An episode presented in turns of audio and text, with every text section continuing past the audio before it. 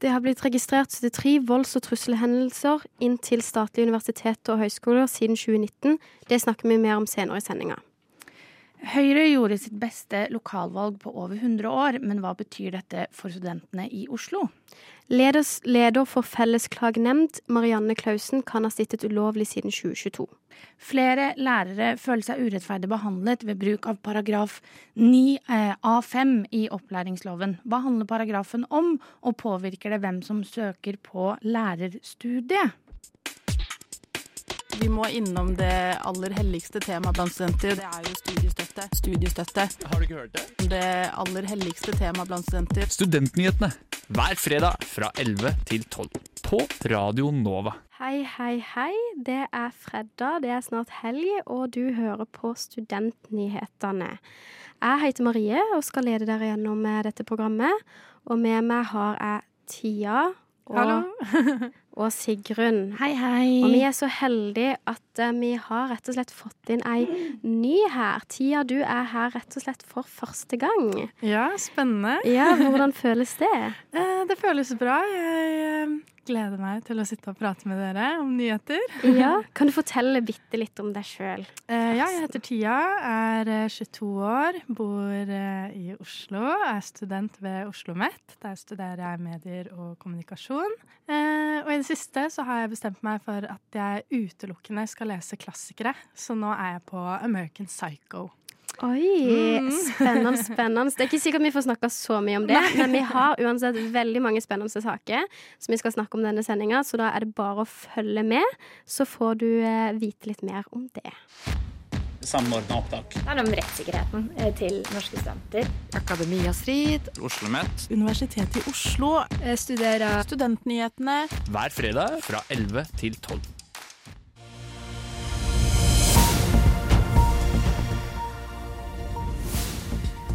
Fredag 8. september ble en student pågrepet med mistanke om at han har drevet med avlytting og spionasje.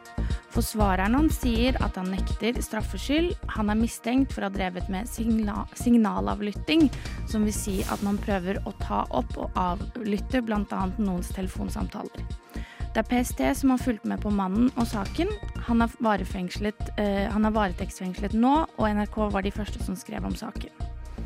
Universitetslektor Ingrid Berg Sivertsen forsker på hvordan studenter lærer seg eh, eh, og innovasjon, og har forsket på hvordan studenter som jobber frivillig, er bedre på å jobbe i tverrfaglige teams senere og takler konflikter bedre. Studenter som har deltatt i undersøkelsen, sier at de opplever at de blir bedre på å prioritere sin tid Sivertsen eh, mener videre at det heller ikke er slik at det går utover studiet eller karakterer. Hun viser til at flere har fått jobb før studiet er ferdig grunnet deres frivillige arbeid. Det var Universitetsavisa eh, som skrev først om dette. Andelen kvinner som har fått påvist ADHD, har økt i tiden 2019 til 2022. Dette melder FHI bl.a. til NRK, hvor Heidi Aase mener at økningen kommer gjennom økt bevissthet rundt diagnosen, og at flere kvinner ser at de eh, ikke har de samme symptomene som gutter, eh, og at dette da er, eh, eh dette er grunnen til økningen. For kvinner 20 24 har tallene økt fra 1% til 2,2 Sabine Christoffersen skriver i en mening i NRK P3 at hun er lei at hun som er hørselshemmet, ikke får den tilretteleggingen hun har lovmessig krav på. Dette til tross for at universitetet har utstyret dette.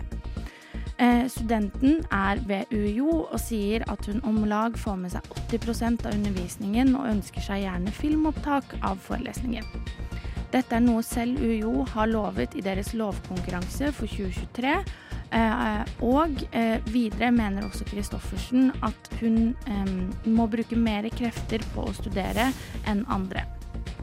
UiO på sin side sier til NRK at det er ikke alltid slik at de har muligheten til å gi alle den tilretteleggingen de selv ønsker, og legger vekt på at de setter det pedagogiske hensynet øverst. Det var ukens nyhetsoppdatering, og mitt navn er Sigrun Tårne.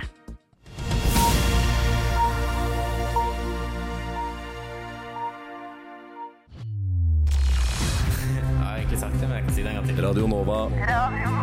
På, på DAB og nettradio. På radionova.no. Jeg har egentlig sagt det, men jeg kan si det en gang til. Radio Nova. Yes, da tenkte jeg at jeg skulle begynne å prate litt om en sak som Krono skrev denne uka, hvor de da har funnet ut at det har blitt rapportert 73 volds- og trusselhendelser inn til statlige universitet og høyskole siden 2019. Og det er det ansatte på disse høyskolene som da har rapportert inn eh, hendelser som har skjedd mot de, hvor de gjerne har vært studenter, eller noen andre som har eh, gjort et eller annet. Og disse tallene har Kono fått etter at de da i kjølvannet av knivstikkinga på, på UiO eh, ville finne litt mer ut av hvordan liksom tallene er på universitetene og sånne ting. Har dere fulgt med på liksom hendelsen som skjedde på UiO tidligere i august? Eh, ja, jeg, det er jo eh, rett her ved lokalene til Radio Nova på Majorstua. Eh, så jeg fikk jo opp eh, varsel og noen meldinger og litt sånne ting. Eh, og jeg var ikke i Oslo akkurat da.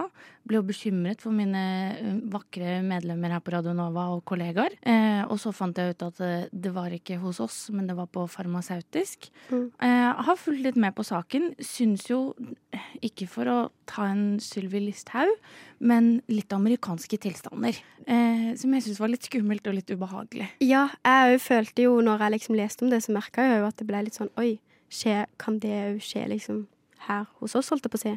Jeg syns jo det er eh, litt sånn skummelt å tenke på at det har vært 73 volds- og trusselhendelser, for jeg føler jeg aldri hører noen ting om det. Jeg føler jo at det er trygt når jeg drar på universitetet og skal liksom sitte der, på en måte. Mm.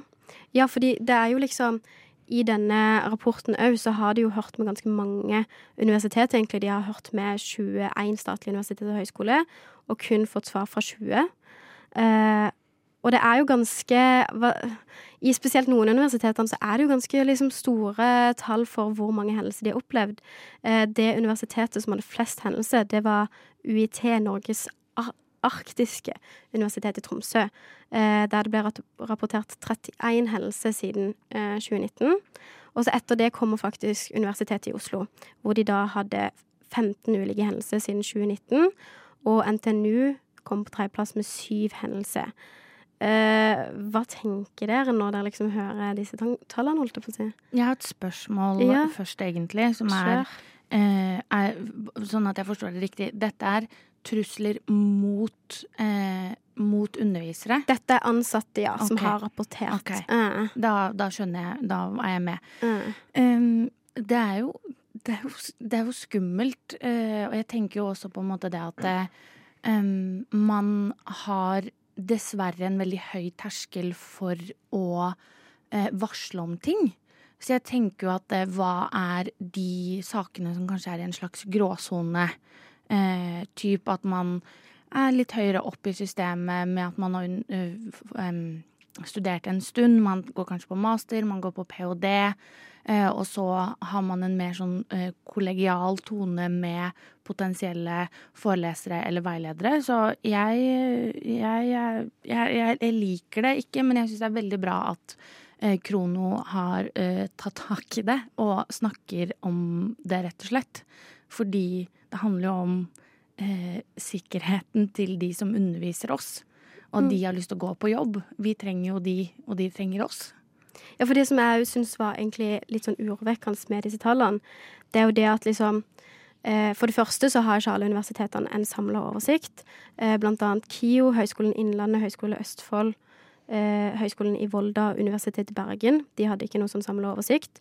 Så det vil altså si at disse 73 rapporterte hendelsene er, kommer egentlig bare fra 14 institusjoner. Eh, og da blir det jo plutselig, holdt jeg på å si, eh, mye større, opplever jeg da, i og med at det er færre institusjoner, og allikevel er det jo 73 hendelser.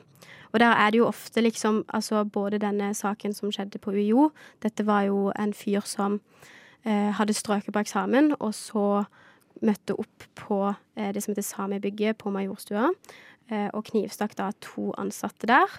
Eh, og så i denne kronosaken òg, så var det en professor som heter Ingrid Bauer Utne, som òg opplevde at eh, en student kom eh, Eller først kom han jo til henne for å få eh, at hun kunne lese over liksom, eksamen, og så bekrefta hun litt sånn Dette du, du stryker fremdeles, holdt jeg på å si. Og så etter det så begynte han å true henne på e-post, og eh, dukka jo opp etter arbeidstida. Eh, og hun fortalte òg at hun rapporterte jo, men at hun trodde at det var en del som ikke rapporterte. Og i og med at det òg er flere universitet som Nå, nå veit vi jo ikke eh, det er, i og med at flere universiteter òg ikke har eh, noe form for statistikk på det. Så veit vi jo ikke om det er ene sida eller den andre, holdt jeg på å si. Eh, men uansett eh, så finner vi ikke ut av det i dag, så vi får bare se eventuelt om det dukker opp videre. Du som student, så har du lite penger å rutte med. Jeg skjønner det. Men hva betyr det for studentene? Jo, det tror jeg det er mange som lurer på. Tusen takk for at du har hørt på Studentnyhetene. Denne uken, på mandag for å være helt presis, så var det jo fylke- og eh, lokalvalg, altså kommune- og fylkesvalg. Og vi har jo snakket ganske mye om lokalvalget allerede her i Studentnyhetene, men nå er det jo avgjort. Eh, og det er jo ikke avgjort hvem som skal styre nødvendigvis, eh, sånn sett. Det er avgjort hvem som vant, og så skal de nå inn i forhandlinger. Men jeg tenkte for det at vi kunne ta litt for oss hva som har skjedd i Oslo, og rett og slett hva dette kan bety for deg som student. Eh, Høyre gjorde jo et eh, knakende valg. Eh, de gikk jo ut som, mm, altså, som, klare valgvinnere både i Oslo og hele Norge, for den sagt. Eh, side. Eh, jeg tror de gjorde det beste valget på sånn over 100 år når det kom til lokalvalget, og Arbeiderpartiet tapte siden ikke Norge ble et land, men eh, på, på like mange år. Eh, og i Oslo så ble det da eh, klart at det ble et bytte fra venstresiden til høyresiden. Eh, det er slik at eh, KrF, eh, Venstre, Høyre og Frp eh, gikk jo inn i dette lokalvalget i Oslo og sa vi skal samarbeide om vi får flest, flest stemmer. de har jo litt grann ulike valgprogrammer, så de må jo da forhandle om dette. Så dette blir jo mer en politisk analyse om hva eh, vi tenker kan eh, skje i Oslo, og hvordan det rett og slett kan påvirke deg. Men én ting som er helt klart, for det har alle eh, partiene i valgprogrammet sitt, det er at det skal bygges flere studentboliger. Kan jeg få et lite woo? Woo! Yes. Det, og at det helt klart skal bli prioritert. Eh, alle, alle, partiene har i programmet sitt at de vil øke samarbeidet med SIO og regulere flere tomter eh, til det. Så det syns jeg var veldig, eh, veldig bra. Det de også har, to av partiene som da kan bli en realitet, det er Eh, Frp og KrF de har lyst til å sammenslå eh, to eh, Jeg har kalt det sektorer. Som trenger, som trenger flere plasser og boliger, og det er eldreomsorgen og studentboliger. De har da foreslått å eh, rett og slett gjøre det mulig sånn at eh, studenter og eldre kan bo sammen, mot at da studenter betaler en billigere penge for å bo, eh, bo der, mot at de bruker noe av tiden sin på å være eh, sammen med de eldre. Det er ingen av de som har sagt hvor mye billigere det potensielt kommer til å bli. Men kunne dere tenke dere å bo sammen med eldre? Tia? Vet du hva, jeg har faktisk tenkt litt over det. Eh, sånn faktisk vurdert det. Eh, for jeg bor jo nå alene i en SIO-bolig. Jeg gjør det. Men eh, jeg merker at det hadde vært så koselig å bo sammen med eldre og liksom lære litt av de, og de lærer sikkert litt av oss også, men så tenker jeg jo litt på eh, hvordan det blir å kombinere studentlivet eh, sammen med det å bo med noen som kanskje liker å ha det litt roligere rundt seg, da. Ja, for jeg, har, jeg, kjenner faktisk noen som allerede har vært med i liksom en sånn type ordning, hvor de har bodd med eldre. Og han fikk jeg, liksom, Når jeg snakker med han, så var han veldig sånn positiv til det, for han veldig, syntes det var veldig koselig. Men hvis alle liksom på en måte du kjenner har det, så er det jo veldig vanskelig å ha et sånn samlingspunkt. fordi det krasjer jo litt sånn tidsmessig. altså Som student er det gjerne sånn du er oppe litt lenger. Som eldre legger man jo Altså nå skal ikke jeg anta for mye, men etter min kjennskap så legger man seg gjerne litt tidligere, står opp litt tidligere, studenter sover litt Altså at det kan liksom bli litt krasj. Men eh, personlig så syns jeg jo det høres veldig hyggelig ut da å kunne liksom eh, For jeg vet han òg fikk ganske billig leie, som Mm. var litt sånn OK, det er nice. Og så er det jo veldig hyggelig å kunne liksom være litt sosial med de eldre og lære litt av de. De har jo veldig mye å fortelle og komme med som jeg tenker er nyttig å lære om, holdt jeg på å si. Absolutt. Eh, en ting som også er relativt klart, det er at leilighetsnormen eh, den kommer til å bli eh, fjernet i Oslo. Hvis du lurer på hva leilighetsnormen er, så anbefaler jeg deg å gå inn og høre på Emneknaggen, eh, vår podkast. Eh, den finner du der hvor du finner studentnyhetene også. Eh, den kommer jo da til å bli fjernet, og de ønsker jo da å gjøre det sånn at eh, utleiere kan bygge mer.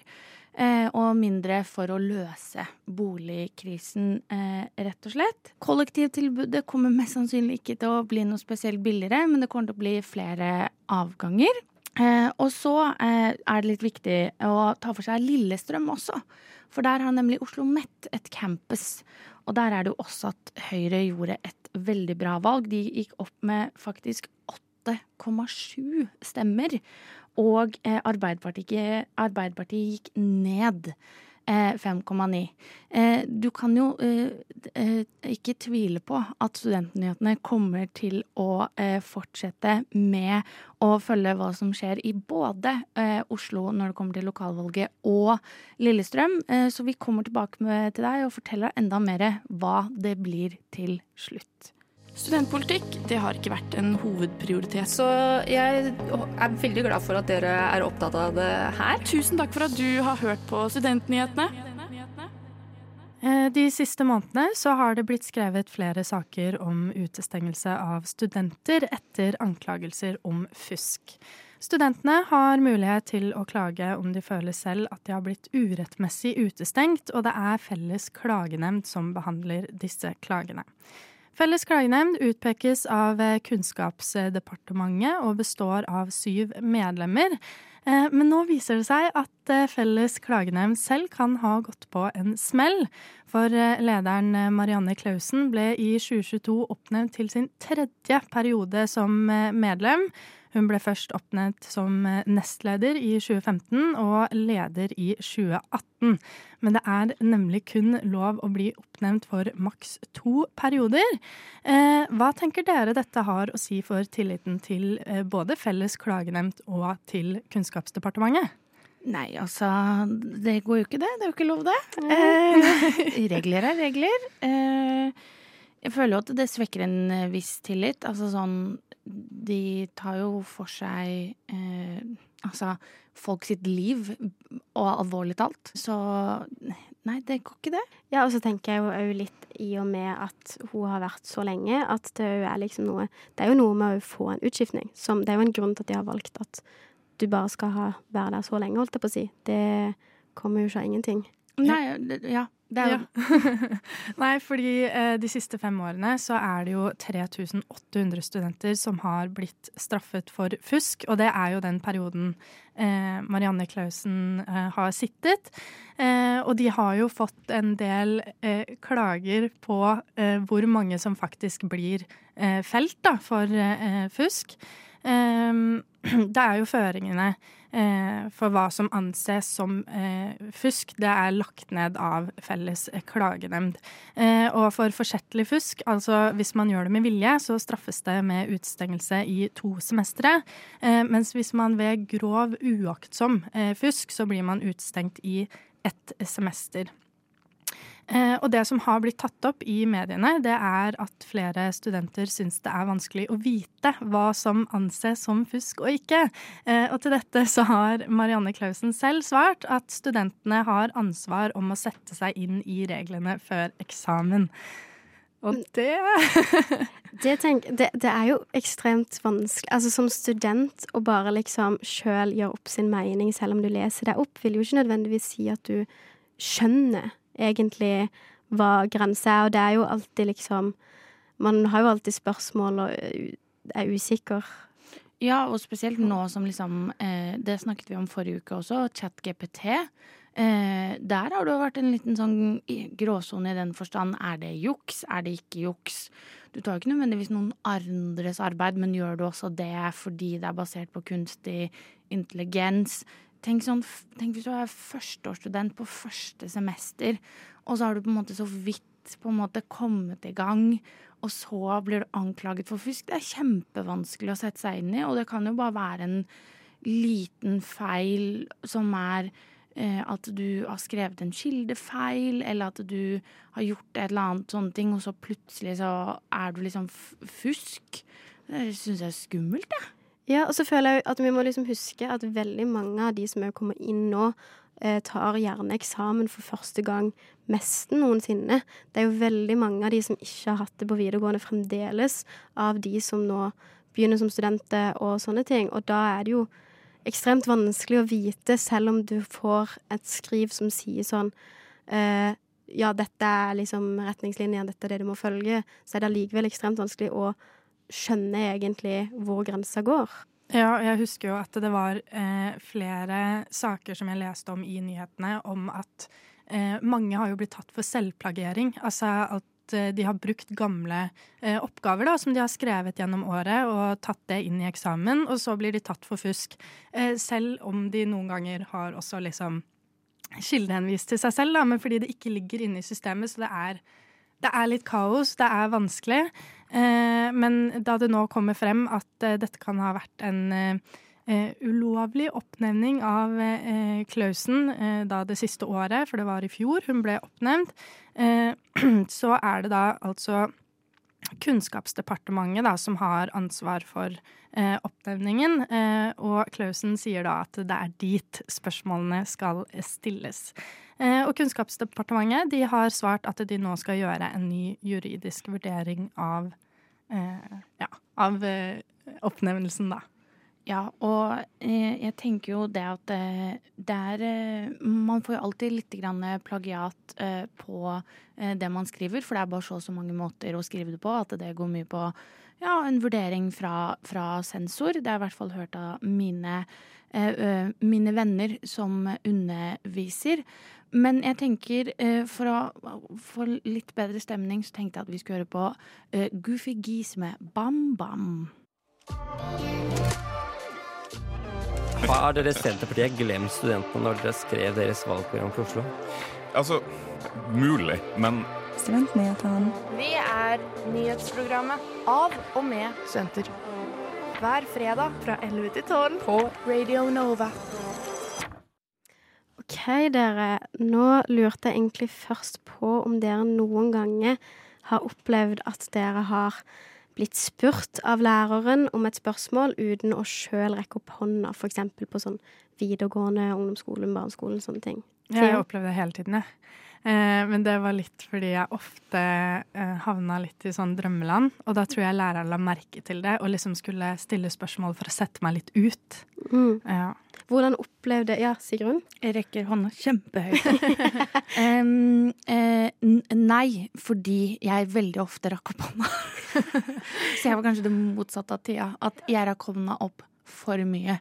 Sånn at lærerne ikke spurte meg fordi de mente at jeg snakka for mye i timen. Så ja. Ja, Så der var det ikke noe sånn problem at du plutselig bort ble spurt? Nei. nei. Men Tiva, hvordan opplevde du det når du ble da, spurt om et spørsmål? Eh, nei, altså jeg blir ikke så veldig stressa Eller sånn, jeg ble ikke stressa av det. Eh, men eh, jeg merka jo litt at det var eh, kanskje en liten sånn teknikk for å på en måte henge ut eh, de som eh, ja, er litt sånn som meg, da. Kanskje ikke klarer å følge så veldig godt med. For det var jo som regel bare de som eh, havna litt i drømmeland, som ble spurt. Ikke de som vanligvis kanskje rekker opp hånda og følger litt med, da. Ja, for det er ikke uten grunn at jeg spør om dette. For det jeg leste nemlig en sak fra Aftenposten, en litt lengre sak, hvor de da eh, diskuterte litt dette. Og den handler om at eh, det er flere lærere som opplever å bli urettferdig beskyldt for ulike hendelser. Hvor, eh, elever og, eller, hvor elever og foreldrene har brukt paragraf det som heter paragraf 9a5 i opplæringsloven som liksom en grunn til å beskylde læreren. Eh, så først tenkte jeg at vi skulle gå litt gjennom denne paragrafen da. Eh, har dere hørt om den tidligere? Nei. Nei. Nei. For den ble innført i 2017 som en innstramming av opplæringsloven loven. Eh, og i Lovdata jeg tenkte jeg skulle rett og slett lese opp eh, selve loven. Der står han slik at dersom en som arbeider på skolen får mistanke om eller kjennskap til at en annen som arbeider på skolen, utsetter en elev for krenking som mobbing, vold, diskriminering og trakassering, så skal vedkommende straks varsle rektor. Rektor skal varsle skole, videre varsle skoleeieren. Dersom det er en i og nå var det på nynorsk. Leiinga. Eh, nå klarer jeg ikke nøyaktig å huske hva det er. Ledelsen? Ledelsen, ja takk. Eh, ledelsen ved skolen som står bak krenkinga, skal skoleeieren varsles direkte av den som fikk mistanken om eller kjennskap til krenkinga. Og til, undersøkelse og tiltak etter ni av fire tredje skal da settes i verk. Og denne loven gjelder for barne- og ungdomstrinnet i tillegg til videregående. Og det som da er greia, er at etter den da kom i 2017, eh, så forteller Steffen Handal, han er med i Utdanningsforbundet, til Aftenposten at de har fått inn flere meldinger fra lærere som da føler at de blir urettferdig anklaga eller er fortvila uh, over anklage de får i forhold til dette. Men her, dette er jo en veldig tosidig sak, og det eh, står om flere forskjellige eksempler. Eh, og det var ikke uten grunn heller at jeg spurte dere om dette med rekke opp hånda, for det nevnes blant annet en lærer da, som opplever at en av de grunnene til at hun har fått klage, er at elevene føler seg krenka når de da blir spurt om å eh, rekke opp eh, Eller spurt om spørsmål uten at de sjøl har rekka opp hånda. Eh, og det de læreren da opplever er mest vanskelig, er at de Hun her, eh, hun er anonym i saken. Eh, hun eh, opplevde at hun ikke fikk møte elevene for å forklare situasjonen, i tillegg til at hun ikke fikk snakke med kolleger med saken. Og det som da er tingen, er at flere av disse lærerne da har sagt at de i ettertid sliter en del med angst og ulike opplevelser, i og med at eh, de da ikke De står litt alene i det, er opplevelsen som skrives om. Ja, Sigrun? Eh, jeg tenker at dette ikke på en måte lover noe bra for det vi har snakket om mye på Studentnyhetene før. At vi for det første trenger flere lærere. Vi trenger folk som står i læreryrket lengre. Eh, og hvis dette kommer på en måte i tillegg at du går inn i en eh, underbetalt, overarbeida jobb, hvor du i tillegg eh, kan føle at du blir eh, utsatt for eh, urettmessig eh, varsler og anklager på noe du selv eh, føler er innenfor ditt virke, da. vi må snakke lærerne mer opp. Og jeg, jeg, jeg, jeg, har, føler at jeg har en løsning, fordi at jeg husker at um, når jeg gikk på videregående, så var det ikke alle som på en måte likte å snakke så mye eh, høyt i timen, og det var ulike ting. Noen hadde sosial angst, på en måte. Ulike ting. Eh, men da kunne man jo gjøre en avtale potensielt med læreren. Eh, problem og er sånn Jeg vil ikke at du liksom skal spørre meg noe i timen hvis jeg ikke rekker opp hånda. Det gjør meg ukomfortabel. Det må være greit. Problemet kommer kanskje hvis alle i klassen gjør det. Um, men jeg tror jo også ikke alle i klassen potensielt gjør det. Nei, og jeg tenker jo at liksom dette tyder jo Ja, igjen, det er jo urovekkende i og med at man ser det, at det er en del som ikke vil bli lærer nå, og man leser mye om forskjellige ting angående læreryrket. Eh, men så tenker jeg jo at det er veldig urovekkende den liksom Fordi lærer-elev-forholdet skal jo være mer et samarbeid, føler jeg da at det skal være et sånt samarbeid at læreren skal lære eleven, eleven skal være med og bidra til at det blir et godt læringsmiljø. Eh, og da tenker jeg jo at denne eh, dette at begge da er engstelige for å bli spurt og for å spørre, gjør bare at det blir et mer usunt miljø. Mm. Jeg tror det her eh, handler mye om klassemiljø og hva slags trygghet man skaper i eh, klasserommet, og spesielt for ja, elever som kanskje syns det er ubehagelig å eh, bli pekt ut, da, så skaper jo det en utrygghet, og det skaper utrygghet for andre også, fordi de er eh, vitne til det. Så det handler kanskje litt mer om hva som er motivasjonen bak det å på en måte stille spørsmål eh, til de som ikke har rukket opp hånda, da. Ja, så hva som skjer videre med læreryrket, må vi jo egentlig bare fortsette å følge med på her i Studentnyhetene, rett og slett. Vi må innom det aller helligste temaet blant studenter. Det er jo studiestøtte. Studiestøtte. Har du ikke hørt det? Det aller helligste temaet blant studenter. Studentnyhetene hver fredag fra 11 til 12 på Radio Nova. Yes, dere. Nå nærmer vi oss rett og slett slutten av dagens sending. Men det vil, det vil jo egentlig si at nå er det snart helg, rett og slett. Tia, har du noen planer for helga? Eh, ja, i morgen så skal jeg gjøre noe så kjedelig som å vaske klær. For det har jeg ikke gjort på to uker. eh, så nå begynner jeg å gå tom for eh, diverse truser og sokker. Og da må man liksom ta tak. Ja, eh, så det skal jeg gjøre. Og så skal jeg på en fest på kvelden sammen med dere. Jeg skal preppe til, til dette. Eh, jeg har hatt veldig mye å gjøre her på jobben min på Nova denne uken, så jeg skal gå tidlig hjem fra jobb i dag for å vaske og rydde. Eh, og så eh, skal jeg slappe av litt i morgen før jeg skal ha vors hjemme hos meg med dere. Og så skal vi ha denne berømte festen vår. Fest for nye woop, woop. og gamle. Så da skal det glede meg. Mm, det blir veldig, veldig gøy. Um, kanskje jeg også skal Nei, jeg kan ikke vaske noen klær. Jeg skal, men jeg skal også kose meg med å vaske. Åh, jeg skal kose meg med det. Hva med deg, Marie? Nei, jeg skal For det første skal jeg få besøk av foreldrene mine. De kommer denne helga. De skal på noen konsert eller noe sånt. Jeg er ikke helt sikker hva. Og så skal jo jeg surprise, surprise feste med dere. Jeg gleder meg veldig. Det tror jeg blir utrolig bra. Uh, og så tar jeg en liten rolig helg. Jeg har jo bare fem dager nå før jeg flytter til Hellas. Så da må jeg nesten òg Jeg må ikke rydde, men jeg må pakke. Skal foreldrene dine være med på Fest for nye? Oi! jeg har ikke plan om det. Eh, det tror jeg kanskje er drøyan. Jeg har ikke festet med foreldrene mine før. Oi. Så jeg vet ikke om jeg skal liksom presentere dem for det for en hel Nova. Eh, kanskje neste gang. Neste gang kan de komme med. Det hadde litt gøy. Ja, Og så Tia, nå har jo du hatt din eh, første sending her hos oss. Hva Ja. tenker du om den? Vet du hva, jeg syns det har vært kjempekoselig. Sitte her og snakke med dere om nyheter og Ja. politikk og valget og Marianne Klausen og Nei, jeg syns det har gått veldig bra. Dere er veldig flinke til å eh, gjøre det trygt. Det er godt å høre. Og det har vært veldig gøy å ha deg med for første gang, og gleder meg til å høre mer av deg i løpet av resten av høsten. Så tusen takk, folkens, for at uh, du har fått være der, og for at dere har vært her og hørt på Studentnyhetene. Dere kan gjerne høre oss igjen på podkast og følge oss på, oss på sosiale medier. Der vi heter Studentnyhetene. Gjerne slide i eh, DM-ene og kom med tips og triks uh, som vi kan bruke. Uh, mitt navn er Maria Askeland Laudal, og i dag har jeg hatt med meg Tia og Sigrun, som òg har vært tekniker for oss. Da må dere ha det bra og ha en veldig fin helg.